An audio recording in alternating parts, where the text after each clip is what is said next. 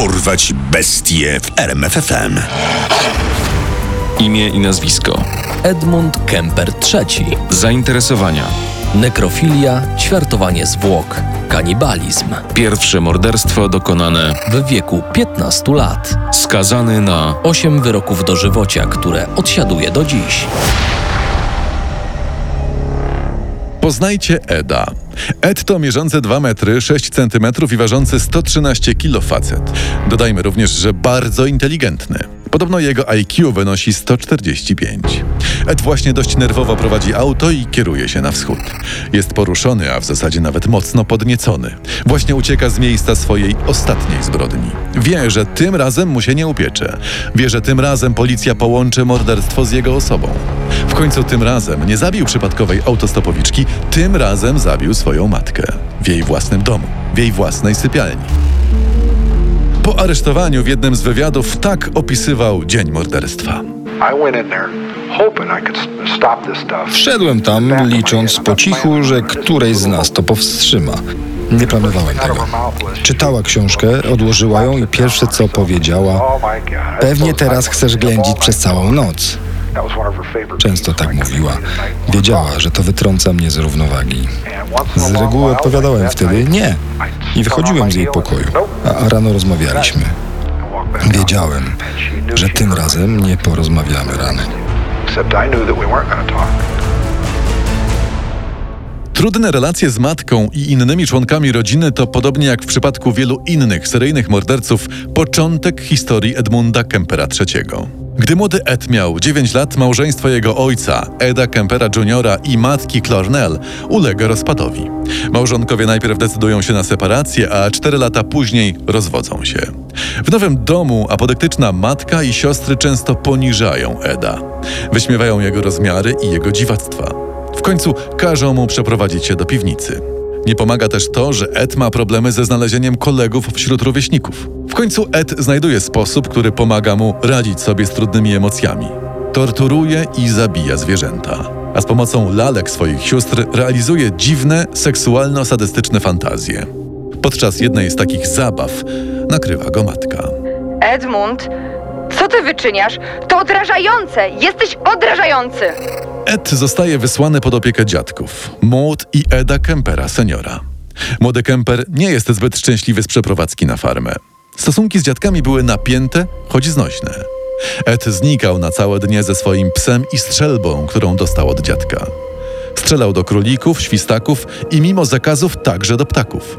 Swoją agresję ograniczał do tych samotnych polowań, ale wkrótce przestaje mu to wystarczać. 27 sierpnia 1964 roku Ed siedział w kuchni z babcią, która sprawdzała literówki w swojej najnowszej książce dla dzieci. Gdy babcia oderwała na chwilę wzrok od tekstu, zauważyła, że wnuk złowrogo się na nią patrzy. Jezu, Ed! Czy mógłbyś przestać się tak na mnie gapić? Aż mi ciarki przeszły. Idę postrzelać do świstaków. Zabieram psa. Dobrze, dobrze, dobrze. Idź już. Tylko błagam cię, nie strzelaj do ptaków. Jednak wbrew temu, co powiedział, Kemper wcale nie idzie na polowanie. Okrąża dom i obserwuje babcię przez kuchenne drzwi wejściowe. Maud jest zwrócona do niego plecami. Ed podnosi swoją strzelbę, celuje w głowę i strzela.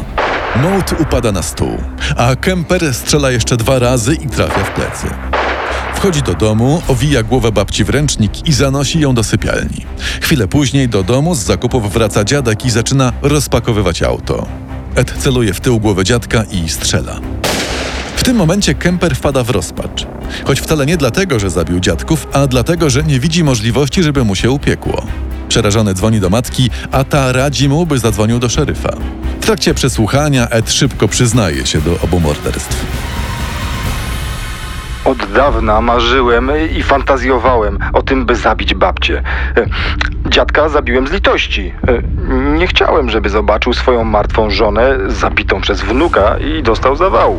Kemper zostaje wysłany do poprawczaka, jednak wyznaczony przez sąd psychiatra stwierdza, że nastolatek cierpi na psychozę i paranoję i kieruje go do szpitala stanowego Atascadero. W szpitalu Kemper poznaje wielu przestępców, w tym seryjnych gwałcicieli. Ich historie robią wielkie wrażenie na niemal 16-letnim chłopaku.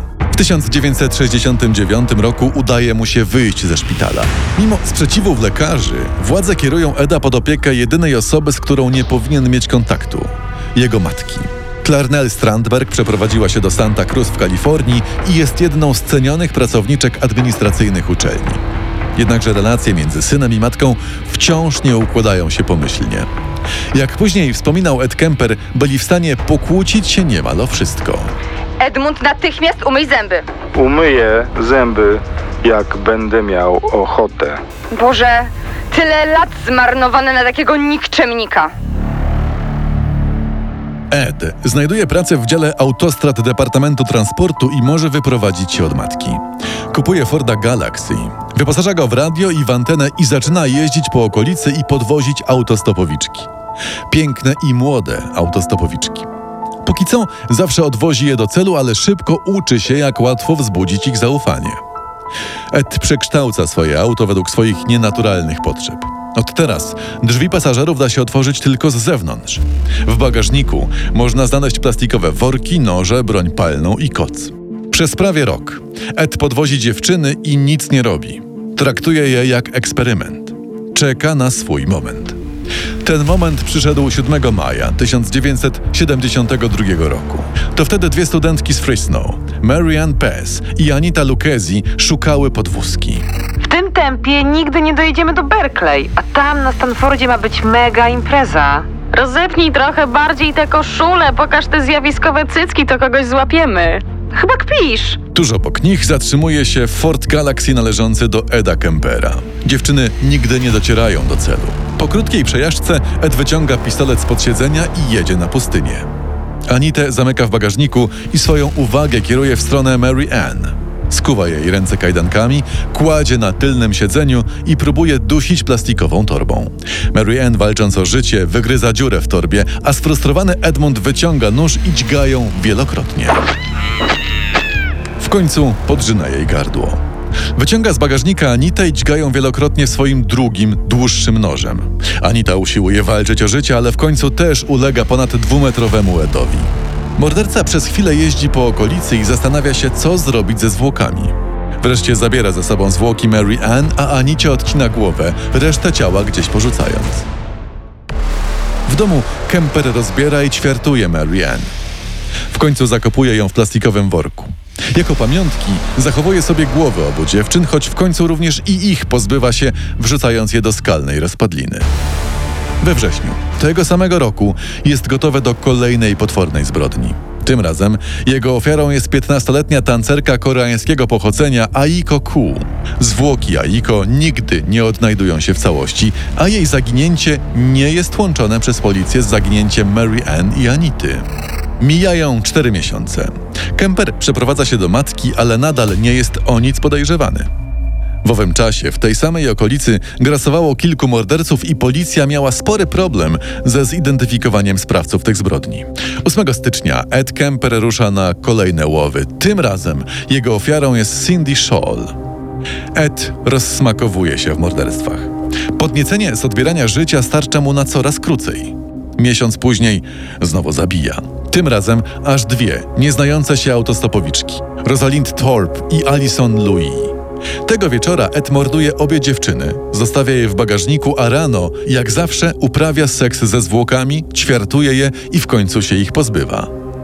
Alison i Rosalind to piąta i szósta ofiara Eda Kempera, nie licząc jego dziadków. Mimo, że aż trzy z popełnionych morderstw miały miejsce w trakcie, gdy Kemper mieszkał z matką, Clarnell Strandberg nawet nie przeczuwała, jak wielkim zwyrodnialcem jest jej syn.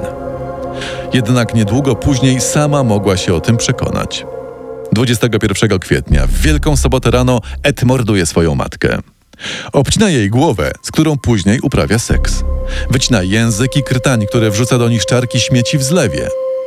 Niszczarka nie radzi sobie z twardą tkanką strun głosowych. Ed później mówił.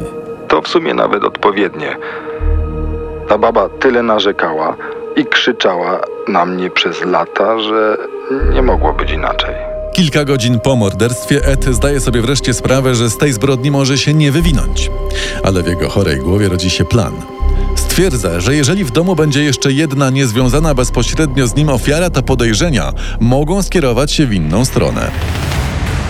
Pod pretekstem obiadu i filmu zaprasza do domu koleżankę matki Sarę Hallet. Gdy tylko Sara przybywa, Ed dusi ją i śpi ze zwłokami przez całą noc. Nazajutrz wsiada w auto i kieruje się na wschód. W końcu zatrzymuje się w Pueblo w stanie Colorado, dzwoni na policję i przyznaje się do wszystkiego. Po aresztowaniu i powrocie do Santa Cruz Kemper pokazuje śledczym wszystkie miejsca zbrodni i wszystkie miejsca porzucenia zwłok. Jest w tym tak dokładny, że swojemu obrońcy z urzędu nie pozostawia żadnej drogi obrony poza niepoczytalnością. Jednak i ta droga również zawodzi. Kempera pogrążają zeznania biegłego prokuratury, doktora Joela Forta. Kemper nie jest schizofrenikiem. Ma obsesję na punkcie seksu i przemocy. Jedyne czego pragnie to nasza uwaga. A jeśli go kiedykolwiek wypuścimy, zabije znowu. Przysięgli nie potrzebowali dużo czasu. Skazali go na 8 wyroków dożywocia, po jednym za każdą zamordowaną kobietę. Od 1973 roku Ed Kemper przebywa w więzieniu. Chętnie udziela wywiadów. Jego otwartość pomogła Johnowi Douglasowi i Robertowi Resslerowi z FBI, którzy dzięki rozmowom z Edem i innymi podobnymi przestępcami stworzyli podwaliny profilowania kryminalnego i pojęcie seryjnego mordercy. Poznaj sekrety największych zbrodniarzy świata. Dorwać bestie w RMFFM.